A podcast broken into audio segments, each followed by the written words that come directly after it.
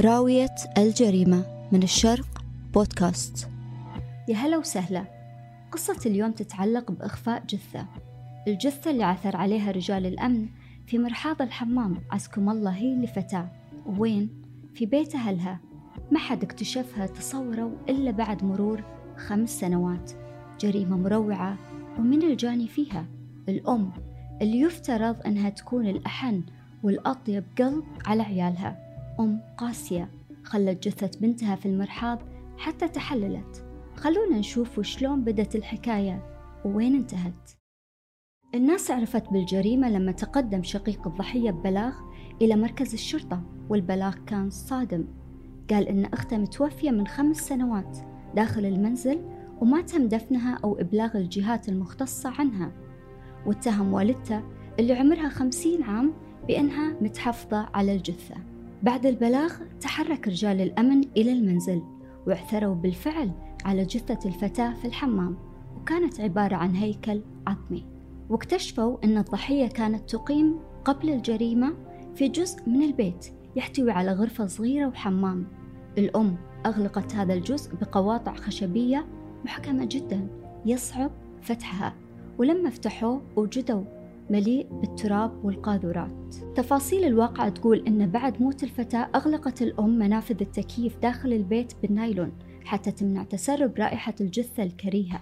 وأيضا ركبت وحدات تكييف كثيرة في أنحاء البيت بغرض تهويته يعني نفذت جريمتها بإحكام لكنها ما نجت من فعلتها لأن مسرح الجريمة بقى حي. السؤال ليه الأم الجانية احتفظت بالجثة داخل المرحاض كل هذه الفترة الطويلة؟ وكيف أصلا كانت عايشة في بيت فيه جثة بنتها. الجانية اللي أنكرت التهمة المسندة إليها وهي القتل قالت إنها ما كانت تقصد قتل ابنتها بل كانت تقصد حبسها للسيطرة عليها بمنعها من الخروج وتبين لها بعد ذلك أنها امتنعت عن الأكل ثم ماتت.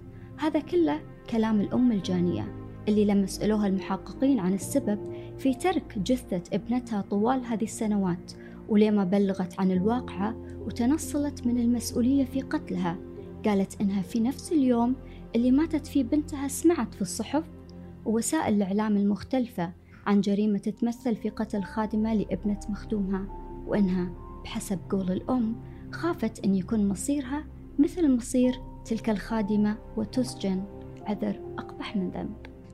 لكن هذا العذر الواهي ما خلاها تنفذ من العقوبة. المحكمة قضت في البداية بإعدامها غير أن الحكم النهائي كان السجن المؤبد مدى الحياة بعد ما انتهت قصة حلقتنا اليوم بتفاصيلها اللي ما تمت للإنسانية بصلة ودنا نتعرف على آرائكم من خلال طرح بعض الأسئلة ليه برأيكم شقيق الضحية بلغ عنها بعد كل تلك السنوات وليه فضل الصمت؟ هل كان خوفه من أم الجانية سبب في ذلك؟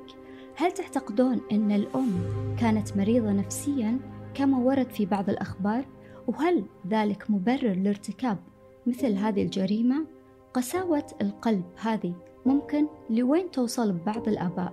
وشلون تختفي بنت في مجتمع محافظ والكل يسأل عن الثاني بدون ما حد يحس؟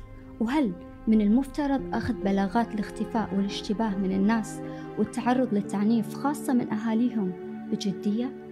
في النهاية نقول الرحمة على روح الضحية ولا تنسون لو مرت عليكم قصة مشابهة من قصة حلقتنا لليوم أن تشاركونا فيها حتى يصبح هذا البودكاست أداة لنشر الوعي بين الناس وجعل المجتمع أكثر سلاما وأمنا وأمانا. ننتظر تعليقاتكم وقصصكم وألتقيكم الأسبوع المقبل مع قصة أخرى أكثر تشويقا نكتسب منها العبرة. فمان الله.